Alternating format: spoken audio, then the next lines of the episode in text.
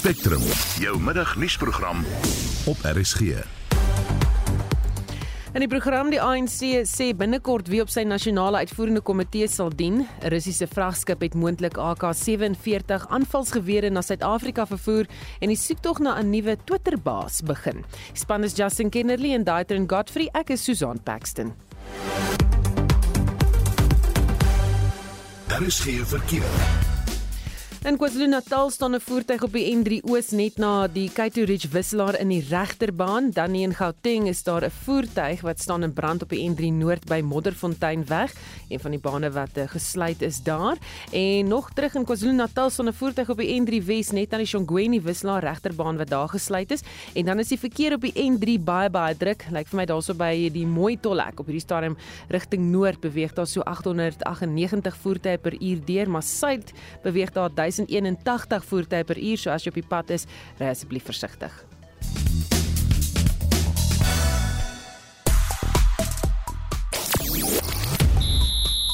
Riley Rousseau is een van die wêreld se voorste T20 spelers wat môre beskikbaar sal wees in die veiling vir die IPL.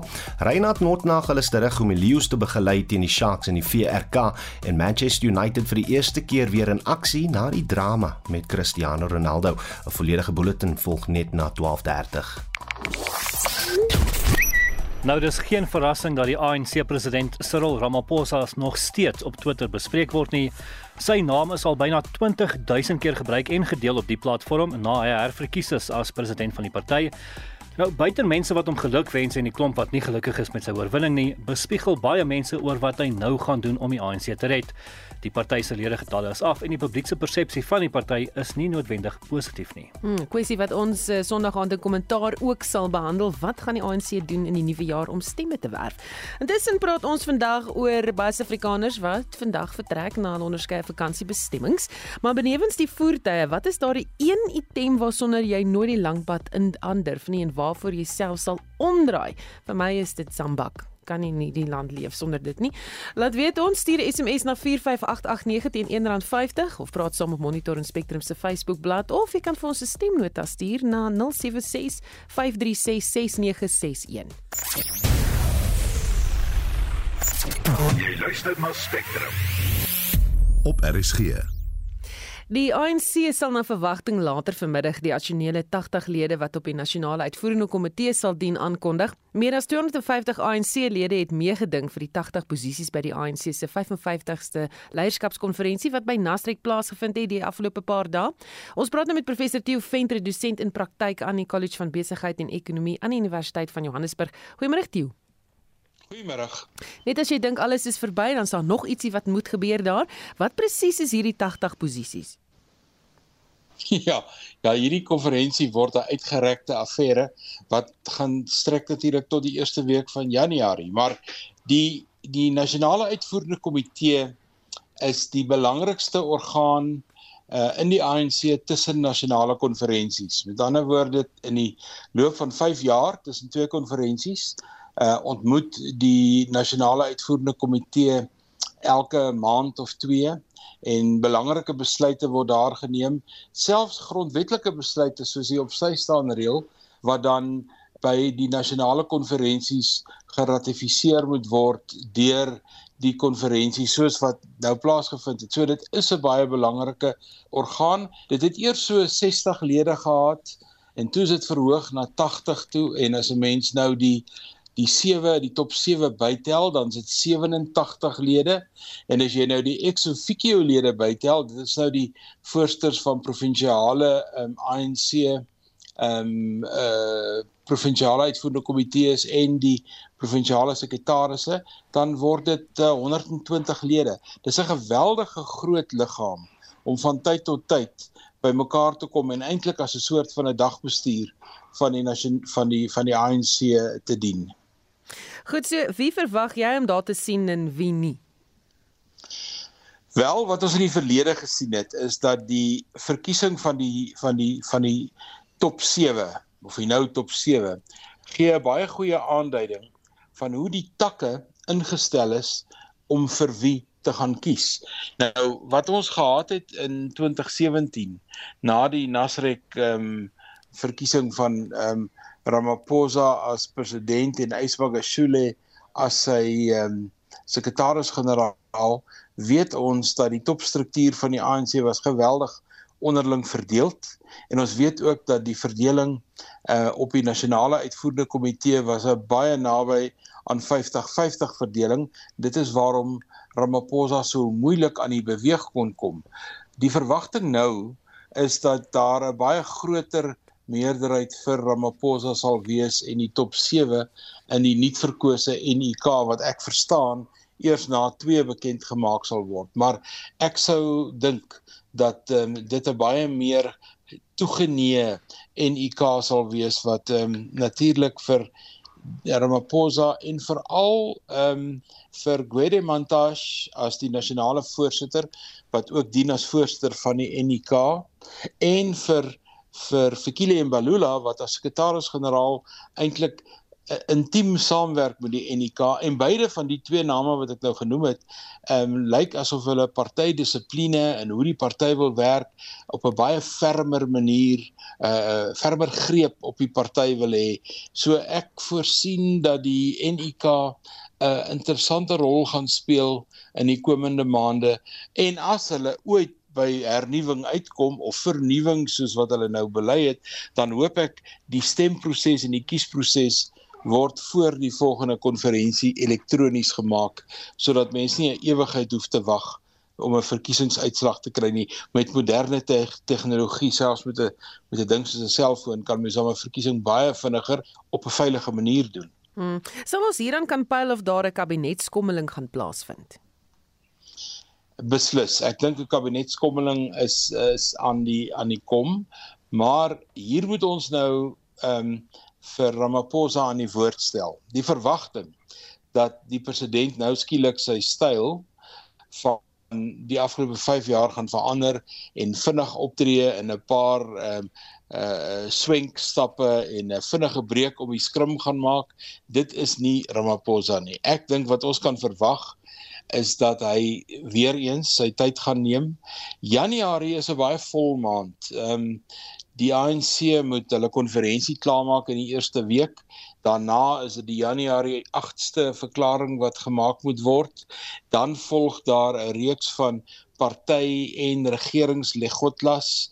Daar is die inhuldiging of die eintlik die induksie van nuwe lede van die NUK en dan voor ons ons oë uitvee is dit die is dit die middel van of die eerste week van Februarie en dan is die staatsrede aan die orde. Dit is wanneer ek dink daar 'n kabinetskommeling gaan kom eerder laat Januarie vroeg Februarie as nou een of ander tyd hier oor die Kersgety. Baie dankie. Dit was professor Theo Venter, dosent in praktyk aan die College van Besigheid en Ekonomie aan die Universiteit van Johannesburg. Daar is nou meer inligting beskikbaar oor waarom 'n geheimsinnige Russiese skip vroeër die maand in die Simonstad hawe vasgemeer het. Ons praat nou met die DEA se skare minister van verdediging, Kobus Maree. Goeiemôre Kobus. Goeiemôre Susan, goeiemôre aan jou luisteraars. Weet ons al wat was aan boord van hierdie skip? Kyk, ons het nog niks dat daar amptelik bevestig is of 'n verklaring uitgekom het nie. Maar uh bloot deur my gesprekke met die minister en hoëgeplaastes in in Krygkor, uh jy weet ek dit nie ontken nie. Ek het dit ook aan hulle gestel dat luister, ek weet wat daarin was want dit is net ammunisie wat na 'n ammunisiedepot vervoer word uh, en hulle dit nie ontken nie. So ek dink nie daar's enige twyfel oor oor wat op die skip was nie en dat dit ehm um, Russiese of dan nou Oosblok uh, ammunisie en wapens was nie. Ehm um, wat nie op sigself vreeslik snaaks is nie want ons ek ek weet en ons weet dat ons spesmagte uh veral uh, uh vyf verkenningsregiment uh ehm um, gebruik uh, Oosblokland uh, wapentuig vir alles wat in Afrika ontplooi word. Ehm um, so dit is dit is hulle keuse en ons weet hulle doen ook oefeninge daarmee sodat hulle ook met vreemde wapens kan werk. So dit op sigself is nie so vreemd nie. Wat wel vreemd is is is die tydsberekening op hierdie stadium en die feit dat natuurlik in 'n uh, in minder nagtelike ure en op 'n verskriklike poging ten minste van 'n koeverte manier wat hulle dit probeer doen het hoewel jy weet dit baie duidelik nie reg gekry was nie. Ja, die vraag is hoekom hierdie sluier van geheimhouding en kan hulle iets ja. sê daaroor? Ja, kyk, eh, daar's baie vermoede wat 'n mens het oor waarom dit gedoen word. Uh ek het Sondag baie kortliks met die minister van verdediging gepraat uh primêr oor die ontplooiing van die soldate na Eskom-stasies toe. Ehm um, en toe het ek ook vir gevra, minister, wanneer reik jy 'n verklaring uit? Wanneer verduidelik jy waar daai skip daar gesoek en hoekom hy daar was? Haar antwoord aan my was dat sy nie op uh, rekord wil gaan en verklaringe uitreik voordat sy nie 100% seker is en verseker is dat alle dokumente is is in orde nie en dat dit dat dit uh, regmatig is nie. Uh ons weet natuurlik wat met die Kubaanse medisyne gebeur het, hulle ook ge, ge, ge, ge jy weet verklaar dat dit is uh regmatig en wettig en op die ou en weet ons was dit alles behalwe dit gewees. Ek het 'n uh, sogenaamde tip of gekry dat uh dat ek moet vra rondom die douane en aksies dokumente. Met ander woorde, jy weet, is daai dokumente korrek uh, voltooi is dit korrek verklaar ehm uh, as wat dit ook al was. Ehm um, en ook weet ons dat die uh, die Lady R die die die die die, die skip ehm um, was toegang tot gewone hawens geweier deur Portnet. Ehm um, wat natuurlik 'n resultaat kan wees van van internasionale handelsdruk op Portnet. Ehm um, so so met ander woorde is die dokumentasie wat wat saam met die vraag gekom het om by 'n hawe af te lê uh, en nie by 'n by 'n ehm um, 'n nasionale strategiese punt soos soos Simonstad hawe nie. Hmm. So daar's 'n klomp vrae wat nog wat nog hang, hmm. maar ek dink met al hierdie jy weet 1 + 1 is 2 en as jy hierdie punte verbind dan sien jy 'n baie duidelike prentjie. So ek het in my gemoed geen twyfel oor wat op daai op daai skip was wat afgelaai was en en nou om spyt te vervoer is nie. Kom is alles wat hulle sê, uh jy weet goed en wel, maar dit verduidelik ja. ook byvoorbeeld nie hoekom die skip se GPS sein is dit dit wat afgesit is nie. Absoluut. Ja, ek dink daar's 'n klompie goed jy weet hierdie dit wat ek nou genoem het plus die feit dat die uh dat die skip sy sy sy GPS sy sogenaamde AIS afgeskakel het op die stadium toe die skip begelei was na Valsbaai en Simonstad toe en onthou ons ons weet dat en ek het foto's waar die skip deur twee vlootskepe uh vergesel is en hulle ehm um, hulle hulle GPS was aangeskakel. So met ander woorde, vir enige iemand wat hulle gevolg het daai van die berge van Simonstad af kon hulle baie duidelik ehm um, op sien dat twee die twee vlootskepe sin was aan, maar die privaat skip sin was nie aan nie. Ehm um, so so ja, vir die hele tydperk binne Simonstad was dit afgewees en slegs nadat dit weer op die Agulhas bank gaan lê het, was dit aangewees en nou tot omtrent dit soos baie was dit weer aangewees en nou is dit weer afgeskakel. So hmm. Ja. Baie dankie, dit was die DA se skadu minister van verdediging Kobus Maree. Suid-Afrika het 'n nuwe voorgestelde minimumloon. Dis egter nie 'n bedrag nie, maar eerder 'n teiken waarheen werkgewers moet werk. Die Nasionale Minimumlone Kommissie het verlede week 'n dokument gepubliseer wat sê die mediumtermynteiken vir lone moet insluit dat werkers 'n behoorlike lewenstyl kan handhaaf. Ons praat met Dr. Chris Harmse, hoof-ekonoom van Sequoia Capital Managers. Goeiemôre Chris. Môre Susan. Wat presies stel hulle hier voor? Ek dink hulle wil twee goed bereik hier. Hulle sê daar is nou 'n minimumloon. En dit is natuurlik te debatteer is dit 'n uh, lewensonderhoud loon, maar ek dink dit is die dis die loon wat nou bestaan. En ek dink dis die een van waar hulle sal moet werk. Nou wat hulle daar by bedoel is dat dit help nie ons het nou weer 'n minimumloon, maar die inflasiekoers is 7% per jaar en hierdie minimumloon gaan nou weer aangepas word nie. Daarom is daar nie 'n teiken, daar's nie 'n bedrag nie.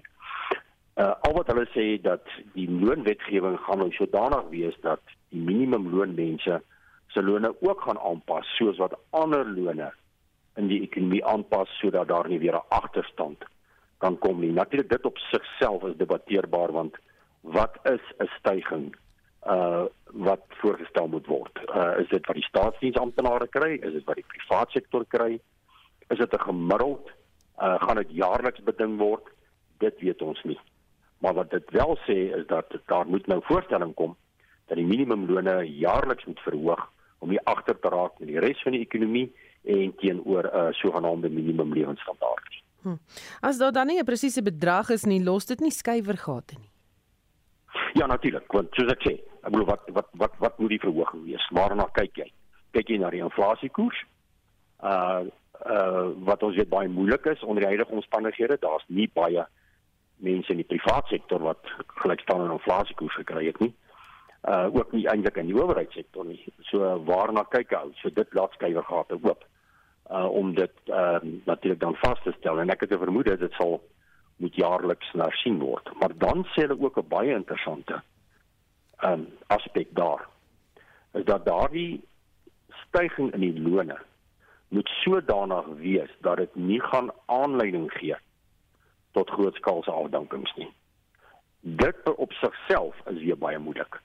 Ehm uh, om daai om daai vlak te bepaal, maar hulle is bekommerd dat as 'n mens doeteenvoudig net gaan, kom ons sê jy gee inflasiekoers en uh baie baie van die klein saakondernemings kan dit dan nie bekostig nie dit tot afdankings uh, gaan lei. So hulle is hulle hulle skryf daai hulle hulle spreek daai kommer van hulle ook uit. Hmm. Wat het, wat definieer jy dan nou as 'n behoorlike lewenstyl in rand en sent? Weet jy daar's verskillende daar's verskillende aspekte. Dit dit, dit wissel van van 4000 tot 10000 rand 'n maand vir vir werkers. Ehm um, afhangende van afhangende waar jy kyk, weet afhangende van wat word jy beskou as 'n mandjie wat maandeliks aangekoop moet word. Weet wat is goed dinge soos ehm uh, soos hier elektrisiteit en so voort. Maar dit lyk vir my dat dit iewers hierso so in die omgewing van so tussen 5 en 5500 rand 'n maand is. Ons is minder as dit op die oomblik.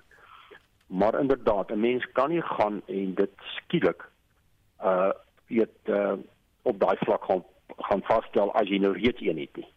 As jy reeds 'n minimumloon het, kan jy hom nie sommer nou gaan staan op 'n dubbel deur te sê weet die die die die minimum lewensstandaard het ons nou af 5500. Ek dink ek dink selfs ek selfs jou middelinkomste man wat kom ons sê 'n man en vrou wat saam 'n salaris verdien van 30000 rand 'n maand kan jou kom sê hoorie maar ons lewensstandaard het baie agter uitgegaan in die laaste jaar of twee ons moet eintlik 'n verhoging kry na 40000 rand 'n maand. So met ander woorde dit is dit weet dit is alles altyd jy weet relatief. Maar ek dink wat belangrik hier is is dat daar is nou 'n minimumloon en uh, daar sal van daar af moet gewerk word. Uh dit natuurlik het so baie goed gewees het as ons lone so kon wees dat dit baie hoër is dit is op die oomblik is mens ons kyk mits ons natuurlik kyk na produktiwiteit en diensname die groei in die ekonomie. Al daai ander dinge gaan dit bepaal. Uh maar ek ek ek ek ek glo hulle sal nie die sommer nou skielik in die week kan instel van 5500 'n maand as dit op die oomblik 3600 op 3400 is. Ehm um, en wat huiswerkers ook aan betref en plaaswerkers. Hulle sal dit wat ons nou het as gegee moet aanvaar en daarvolgens gaan kyk wat gaan die verhogings wees. Ja. En uh, hoe doen ander lande dit? Die lande waar nog weet minimum minimum lone is, ehm uh, um, werk maar volgens wat hulle reken um, is 'n uh, 'n uh, 'n standaard is. Ek uh, byvoorbeeld die Verenigde Volke praat hier van uh se se se sogenaamde millennium uh mikpunte. Jy weet hulle praat daarvan in die omgewing van so um 200 dollar per maand. Jy weet, en dit gee vir jou in ons geval hier by die uh ongeveer 5500. Dis iemand wat ek gesien het per maand. Uh maar nou weer eens, 'n mens moet kyk hoe lyk die hoe is die koopkrag in daai lande? Hoe is hulle produktiwiteit? Hoe lyk die samestelling? Uh so uh daar is redelike pakkette wat uh ook verskillend is ten ontwikkelde teen onderontwikkelde lande waarna mense kan gaan kyk, maar dit dit praat daar in die omgewing van so tussen 180 en 200 dollar 'n maand wat vir jou soos jy sê by die 5000 rand gee. Uh maar dan het jy praat jy van ander lande waar dan net baie ander uh uh nie voordele is soos in Suid-Afrika uh ten opsigte van uh, van uh van uh onderwys uh um, gesondheid ensovoorts. So jy mens moet aan die totale pakket gaan kyk. En ek dink nie jy kan een toepas uh wat wat wat eenvormig reg oor 'n hele wêreld is nie. Elke ekonomie verskil. Uh en uh so die ekonomie sal self maar moet kyk, maar lande gebruik uh een of ander lewens uh, lewens standaard en dan pas hulle 'n minimumloon daaraan. Ons moet ook net vir mekaar sê daar is eintlik baie lande waar daar nie 'n minimumloon bestaan nie, soos byvoorbeeld China is een. Uh waar dan natuurlik weer die oorhel na die ander kant van uitbuiting van werkers. So uh dit is 'n baie moeilike konsensuele uh, probleem wat reg oor die wêreld bestaan en uh, Suid-Afrika sal moet baie oor jou kinders moet bestuur. Ek dink ons ander storie is natuurlik ook wat gaan gebeur met die sogenaamde het uh, die minimum toelaag van R350 'n maand gaan daarna ook gekyk word. En dit verwag ons natuurlik nou in die begroting. Hmm. Net so laasens op watter vlak hiervan gaan minder mense aangestel word en ons werksverliese begin sien? Wel ek dink as die as die as die minimumloon per se die vasgestelde bedrag verhoog. Kom ons sê hulle verhoog hom met 20%. Net dan daarop 'n uh, vir die volgende 4, 5 jaar 'n verhoging gelyk staan aan die inflasiekoers gaan ons afleggings kry. Ehm um, want dood eenvoudig uh, werkers kan dit nie bekostig nie want die ekonomie en inkomste en winste groei nie gelyk staan aan die stygings van die huidige werk ehm um, uh, inflasiekoers nie en uh, dan dan sal dit definitief gesny word. So ek dink uh as hulle as hulle nou gaan en die minimumloon met 'n bedrag 'n ronde bedrag verhoog en ook nog praat van koerse, dink ek gaan ons begin sien die afleggings. Baie dankie, dit was die hoofekonoom van Sequoia Capital Managers, Chris Harmse. Die mediese vakbond Samato sê minstens 225 dokters wat hulle gemeenskapsdiens voltooi het, gaan in Januarie sonder werk sit. Die vakbond beskuldig die nasionale regering nou vir die onvermoë om hulle aan te stel ten spyte van groot tekorte in die openbare sektor. Dr Angelique Kutse van die Solidariteit Dokters Netwerk sê egter dit is elke jaar se storie omdat baie jong dokters te afhanklik van die staat is vir werk. En sy sluit nou by ons aan. Goeiemôre Angelique. 'n Goeiemôre en 'n goeiemôre aan al jou luisteraars daar buite. So waarom sê jy dat die jong dokters te afhanklik is van die staat? Wel, die dis deel deels is dit um, as gevolg van die opleiding. Ehm um, so baie van hierdie jong dokters wat nou klaarmaak, ehm um, het beurse gekry om deur die staat te studeer en hulle het dan ook dan die ehm um, die gedagte dat as hulle dan nou klaar gestudeer het en hulle is klaar met hulle gemeenskapsjaar, dat die staat dan ook dan verder vir hulle moet sorg en vir hulle moet uh, posisies gee in um, die staatshospitale. Nou ongelukkig gaan dit nie gebeur nie, um, want die die grootste rede wat gegee word is daar is nie geld nie. Ehm um, alhoewel volgens ons is daar geld, dit is hoe die geld aangewend word en hoe die geld ehm um, gebruik word om die die in die regte kanale te volg en dan um, werk of poste um, te vul met die nodige uh, um, werkskepping van uh, mediese uh, beamptes want dit is wat ons hulle dan sal noem of as hulle dan wil gaan verder studeer um, spesialiteits um, poste dan uh, aan te bied vir hierdie hierdie jong groep do, um, dokters wat dan nou klaar gemaak het. So dis die dis die een deel van die storie. Die ander deel van die storie is die, in tydens hulle opleiding word die studente nie voorberei vir die vir 'n werks um uh, uh, skepende entiteit vorentoe nie. So met ander jy word opgelei en jy word opgelei in in in, in medisyne, maar niemand sê vir jou hoe is finansiële bestuur nie, wat moet jy doen? Wat moet jy doen as jy jou eerste betalings kry as 'n mediese intern en wat moet jy doen met jou gelde as jy mediese uh, uh jou jou gemeenskapsjaar doen sodat jy ag jy agterna sukkel om werk te kry dat jy nie jouself in 'n finansiële gemors bevind nie. Um in in so die skole is totaal en al maak nie hierdie dokters voorberei op wat vir hulle gaan wag as hulle klaar is met hulle gemeenskapsjaar nie. Hmm. So wat gebeur dan nou met hierdie gekwalifiseerde dokters wat nie werk het nie? So dis 'n interessante vraag. Omdat hulle nie geleer is om vir hulle self werk te kan skep nie, veral in die private sektor. En nou moet jy ook onthou hierdie gemeenskapsjaar dokters ehm um, uh, verdien ongeveer so R70000 'n maand in hulle finale gemeenskapsjaar. En dit skep dan 'n onrealistiese verwagting ook um, in baie vir, vir baie van hierdie jong dokters dat as hulle dan in die privaat praktyk wil ingaan, um, dan wil hulle op daai vlak inkom of selfs hoër inkomste kry. Nou kyk as jy in die private sektor dan as 'n algemene praktisyn want dit is wat die vlak waarop hulle sal inkom. Op daai salaris wil inkom, moet jy gaan jy moet regtig bitter bitter bitter hard werk. Jy gaan moet 'n baie vriendelike dokter moet wees en jy gaan jou storie moet ken om jou pasiënte te behou.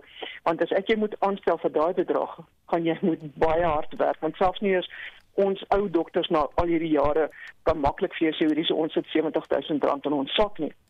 So dis die dis die dis die eerste realiteit van as jy wil gaan as jy nie in die hospitaal werk en jy gaan nie vir jouself moet werk kry en jy moet leer om op 'n laer um, salarisskaal in te kom en jy kan nie dit benchmark teenoor die dit wat jy as 'n mediese uh, uh, mediese uh, komserv gekry het nie, ehm um, gemeenskapsjaarsdokter gekry het nie. Hmm. Selfs die interns kry om en by so by so met oortyd en alles so om en by 50000 rand 'n maand. Wat 'n klomp geld is, jy weet. Dit plaas hierdie ouens in die top 5% van die land.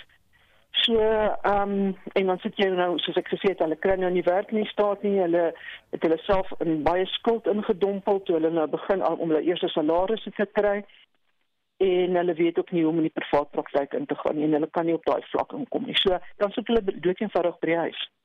Sê vir my hoe vergelyk jy aantal dokters in ons hospitale met die Wêreldgesondheidsorganisasie se aanbevelings? Ag baie sleg. So die Wêreldgesondheidsorganisasie sê daar moet 1 dokter per 1000 um, pasiënte wees. Dis 1 tot 1. Nou in ons land is daar 1 dokter vir 3000 pasiënte.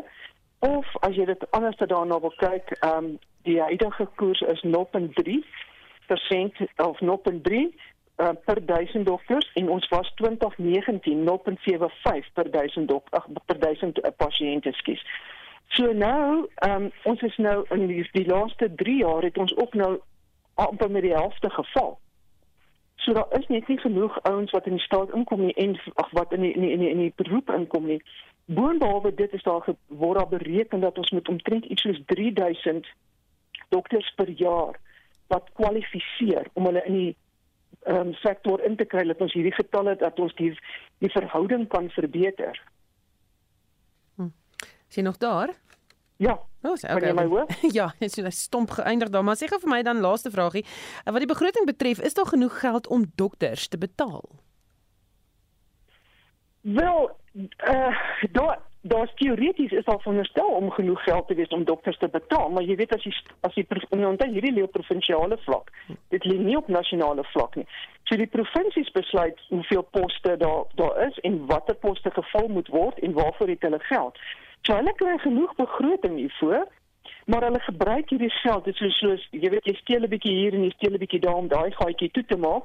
En omdat die dokters se salarisse so hoog is, is dit baie maklik om hulle dan net een eers uit te skuif want jy kan baie meer doen met R70000 'n maand. Jy kan 'n klomp portiere aanstel, jy kan 'n hele paar susters aanstel, jy kan jy kan 'n jy weet jy kan dit gebruik om die, die huise reg te maak, jy kan jy weet jy kan dit in allerlei ander goed gaan uh uh um insit behalwe 'n dienslewering vir pasiënte daar buite. Daar was ook 'n kommissie saamgestel op na die menslike hulpbronne te kyk en dit was 'n hulle het 'n baie baie goeie verslag um, vir die um, regering voorgelê. En uh, tot en met vandag is daar bitter min aan daai um, verslag um, gedoen. En dit is eintlik 'n skreiende skande dat ons weet wat moet gebeur, weet waar lê die probleme, maar ook moet ons hierdie jong dokters leer om nie onrealistiese verwagtinge te hê dat as jy klaar is dat die staat vir jou gaan sorg nie, jy moet leer om vir jouself te sorg. Hm. Baie dankie. Dit was Dr. Angelique Kutse van die Solidariteit Doktersnetwerk. Jy luister na Spectrum op RSG. Nog in die nuus Kaapse motoriste moet hulle voertuie terugeis van die metro se skit voor dit vernietig of verkoop word. Ons sit op die oomblik met so 300 voertuie wat nou uit daai voertuigskit moet vrygelaat word en in terme van die wet hoef ons die voertuie net vir 21 dae te hou En NASA se landingsstyg Insight blaas sy laaste asem uit. Bly ingeskakel. Daar is geen verkeer.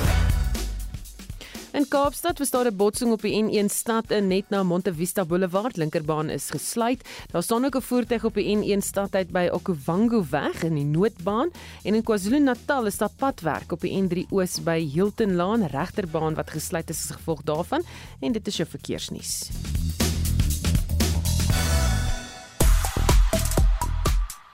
Nou baie Suid-Afrikaners vertrek dan nou vandag na hulle onderskeie vakansiebestemmings of reeds op die pad, maar benewens die voertuie, wat is daai een item waarsonder jy nooit die lang pad aandurf nie en waarvoor jy self sal omdraai?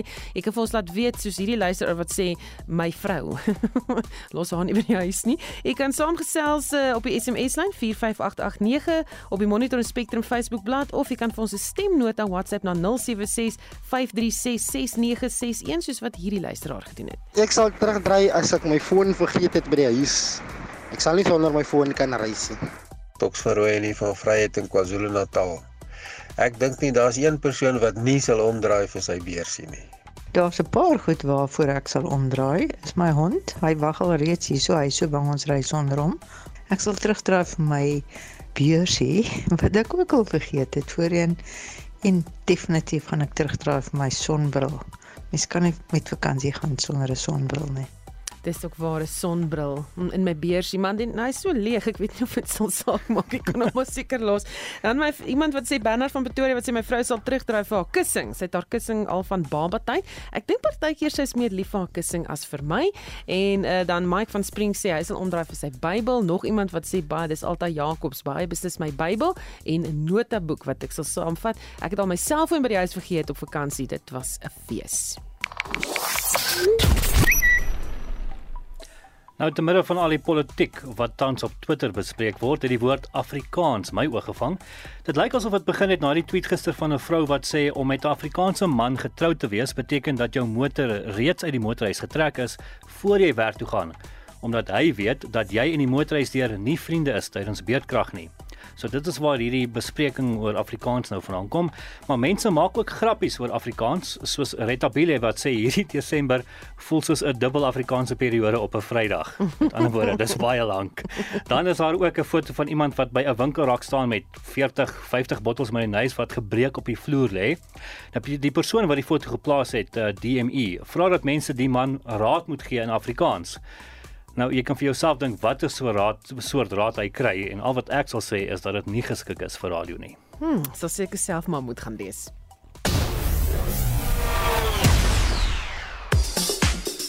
Vir die jongste sportnuus sluit ons kollega Oudo Karelse nou by ons aan. Goeiemiddag Oudo. Middag Susan. Sê gou eers my wat sal jy nie by die huis los nie? Ehm um, wie jy ek het nou net gedink as jy terug moet ry vir jou vrou, dan het jy seker in die eerste plek nie reg gepak nie. Maar maar maar my foon sodat ek ten minste musiek kan hê vir die lang rit. Ah, musiek ja, maar kom ons mm. gesels oor sport. Ons begin met cricketnuus want Vrydag is Indië die hoof fokus vir een van se sport se grootste veilinge of hoe. Ja, Susan, meer as 400 van die wêreld se beste T20 spelers het hulself beskikbaar gestel vir die IPL veiling wat uh, nou Vrydag plaasvind. 22 Suid-Afrikaners sal deel wees van die veiling met alle verwagtinge dat die aanvallende kolwer Riley Rousseau die hoogste bied onder die nuut beskikbare Suid-Afrikaners sal ontvang.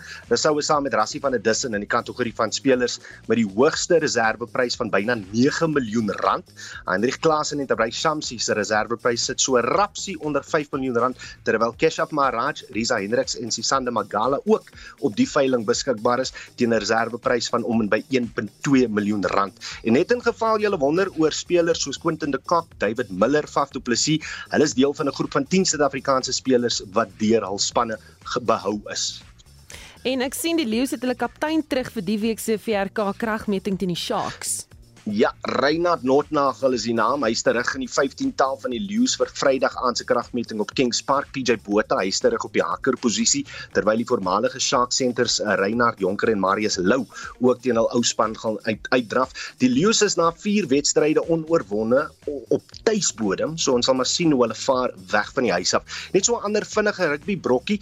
Uh ek sien die gasheerland van die sokker wêreldbeker Qatar het nou ook groot geldplanne vir die uh, spel van rugby die Rugby Federasie in in Qatar sê hulle is reeds in gesprekke oor die regte vir die Rugby Sevens Wêreldbeker en 'n Britse en Ierse Lions Tour wedstryd hoogmoontlik uh om ooreen te stem met die Tour van die Lions in Australië in 2025. Dan Manchester United begin vanaand hulle tweede era sonder Cristiano Ronaldo. Ja, drie wedstryde vind vanaand plaas in die Liga beker of soos hy kommersieel bekend staan, die Carabao Cup. Uh, dis ook die eerste aksie in Engelse sokker na die breek vir die sokker wêreldbeker. Charlton speel teen Brighton, Blackburn Rovers meet kragte teen Nottingham Forest, terwyl uh, Manchester United vanaand tuis sal wees teen Burnley. Die wedstryd sal ook die eerste keer wees dat die Engelse span in aksie is na die afdanking van Cristiano Ronaldo na sy onderhoud met Piers Morgan wat 'n skudding in die klub se fondasie veroorsaak het. Daar is steeds geen nuus oor waarheen die Portugese aanvaller op pad is in die volgende deel van sy loopbaan. Nie maar ons hou maar dinge fyn dop. Baie dankie en dit was Udo Karelse.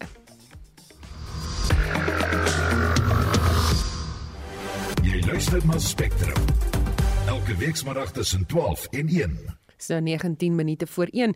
Elon Musk sê hy sal bedank as uitvoerende hoof van Twitter sodra hy iemand kry wat dwaas genoeg is om sy pos te vul. Die uitlatings kom na gebruikers om in 'n peiling wat hy self opgestel het uitgestem het. Ons praat met die redakteur van mybroadband.co.za Jan Vermeulen. Goeiemôre Jan. Goeiemôre, dis 'n plesier om hier te wees. So hoekom sal hy so 'n peiling self opstel? Ja, so dat 'n spul goed gebeur uh, wat tot daai punt gelei het, maar die die laaste strooi was toe ehm um, toe hulle 'n spul joernaliste van die van die platform afgeskop het um, en en 'n 'n 'n nuwe stel reëls geïmplementeer het wat sê jy mag nie um, skakels na jou ander sosiale media uh toe uh, in jou op Twitter sit nie. So byvoorbeeld as jy dis 'n spul spesifieke sosiale media platforms gewees was Instagram, Facebook en dan nou hierdie nuwe ehm um, mededinger wat uh, blykbaar uit wat wat voel asof dit uit nêrens uitgekom het Mastodon. So jy mag nie meer gesê het uh please follow me on Instagram, Facebook of Mastodon met 'n skakel na daai platforms toe nie. Dit kon jou uh rekening uh ge, gesluit kry. En um, soos nie permanent nie 'n tydelike uh, sluiting. En dan moet jy nou eers daai tweet verwyder of die uh, skakels uit jou um uit jou profiel uit verwyder voordat hulle jou uh, rekening sal heraktiveer.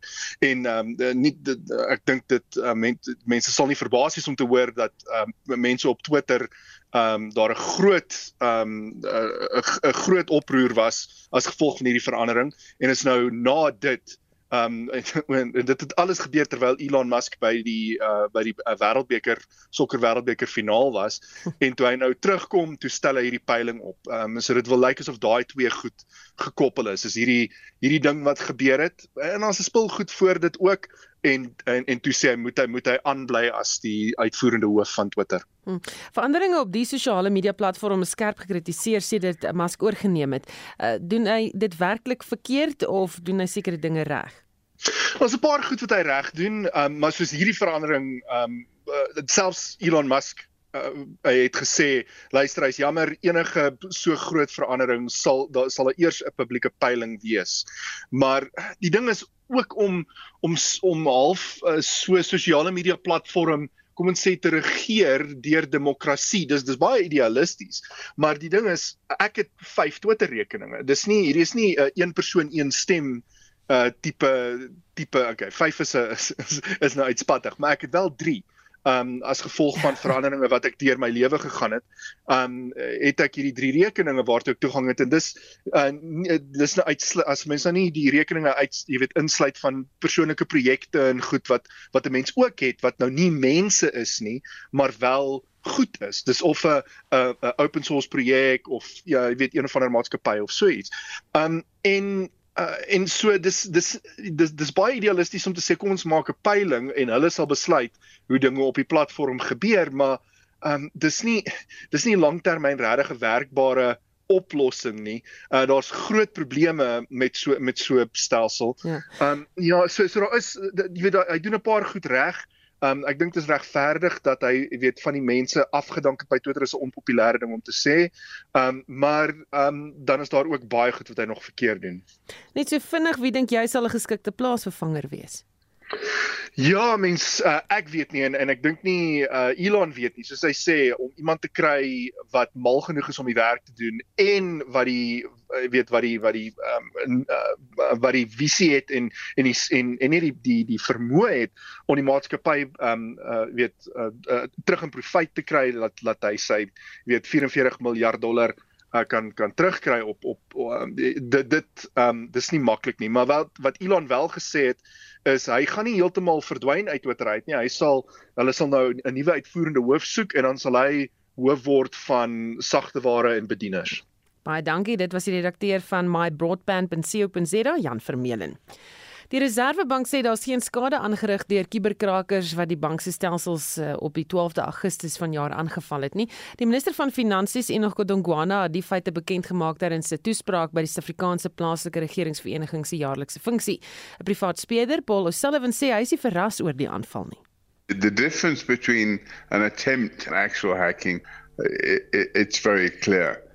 All the banks and probably the Reserve Bank and probably many corporations have multiple attempts to hack their systems every year.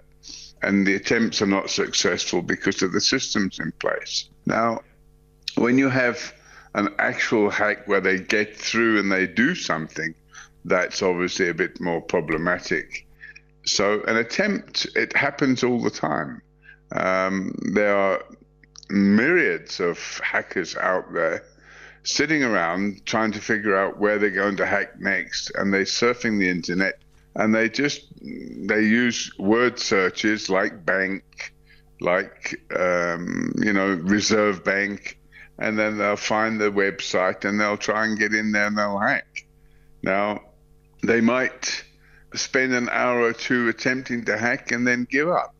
Sometimes what they do is they set bots in in action, just leave them there, and these bots will be trying different methods until they're successful. But in most cases, they're not successful because the banks have got very good security. And if they didn't yeah. have, we'd have problems because the banks would be hacked all the time.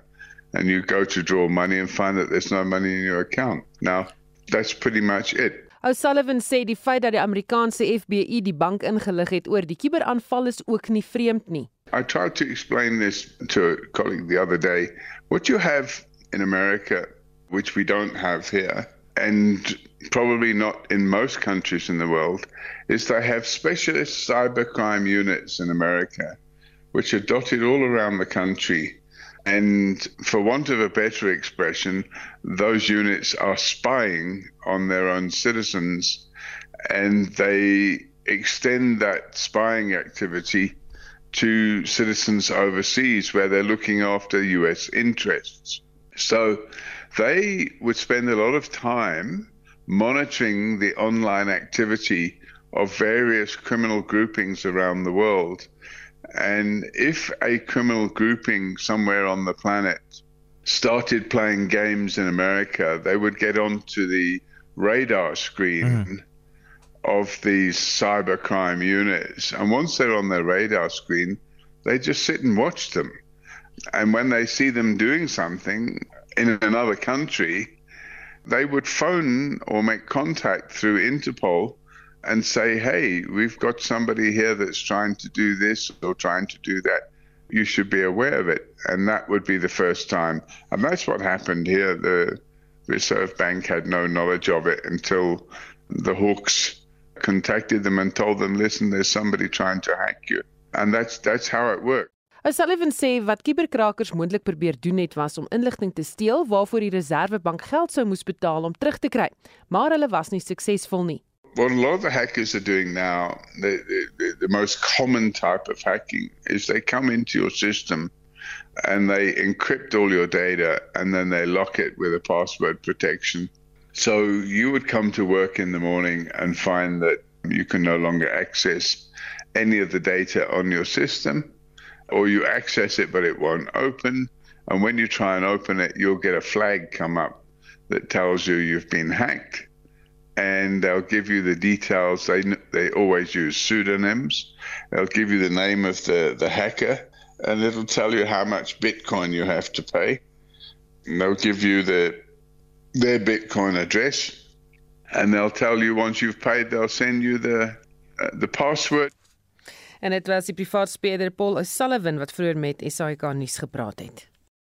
Kaapstad se verkeersowerheid vra dat motoreienaars hulle geskitte voertuie by die Ndabeni skitfasiliteit teen 15 Januarie moet terugeis. Honderde voertuie is ingevolge die nasionale padverkeerswet van 1993 geskit. Kaapstad se burgemeesterskomitee lid vir veiligheid en sekuriteit, JP Smith, sê die wet bepaal dat voertuie wat nie teruggeëis word nie op 'n veiling verkoop sal word of vernietig sal word. Dit is van tyd tot tyd so dat die voertuigskit van die stad baie vol raak en dan is die voertuie wat verby die tydperk is waar ons dit moet hou en waar die eienaars dit moet reclaim, mag ons dan van daai voertuie ontslaa raak deur veiling waar die voertuie wel weer verkoop kan word en waar voertuie nie verkoop kan word nie, die voertuie te crash soos ons vroeër hierdie jaar gemaak het met van die minibus taksies wat so onpadwaardig is dat die voertuig nie weer verkoop kan word nie. Jy praat van skitfasiliteite wat oorvol raak. Hoeveel motors is hier betrokke? So ons sit op die oomblik met so 300 voertuie wat nou uit daai voertuigskit moet vrygelaat word. En in terme van die wet hoef ons die voertuie net vir 21 dae te hou maar ons hou dit vir aansienlik langer vir die eienaars om hulle kans te gee om dit te kom haal want ons verstaan dit is nie altyd finansiëel onmiddellik moontlik nie. Maar op hierdie stadium gaan ons wel vroeg in volgende jaar voort om daai voertuie te verkoop of te crash. So mense het tot die 15de Januarie om op hulle voertuig se status te check en te sien of hulle voertuie wel daar is en of die voertuie dan kan teruggeëis word. En dit kan natuurlik net gebeur nadat al die uitstaande verkeersboetes en skitfooie betaal is. Gepraat van fooie vir diegene wat hulle motors moet kom terugeis. Julle maak spesiale vergunning vir 'n sekere hoeveelheid dae in Desember. Wil jy net vir ons sê wat dit alles behels? Ons is besig om uh, die eienaars aan te moedig om hulle voertuie te kom opeis deur tussen die 19de Desember en die 23de Desember 'n uh, aanbod te maak van 'n 50% afslag vir die geregistreerde voertuie om hierdie voertuie wat voorheen abandoned was of wat geskit is om hierdie voertuie te kom haal by ons voertuigskit. So volgens julle verklaring is die onopgeëiste voertuie by die Ndabeni skitfasiliteit. Waar kan 'n mens gaan kyk of jou voertuig teruggeëis kan word? So ons het al hierdie besonderhede is op die stad se webtuiste en ook op die persverklaring wat ons uitgesit het. So die maklikste is om net die vehicle pound of impoundment op die stad se webtuiste www.capetown.gov.za te gaan insit en die besonderhede van die voertuigskit is daar. Enige verdere navraag kan gemaak word aan die stad se verkeersdienste uh, 021 444 3368. En dit was JB Smith, Kaapstad se burgemeesterskomitee lid vir veiligheid en sekuriteit en uh, Jamari Verhoef het met hom gepraat. Net weer die nommer vir Kaapstad se verkeersdienste. Dit is 021 444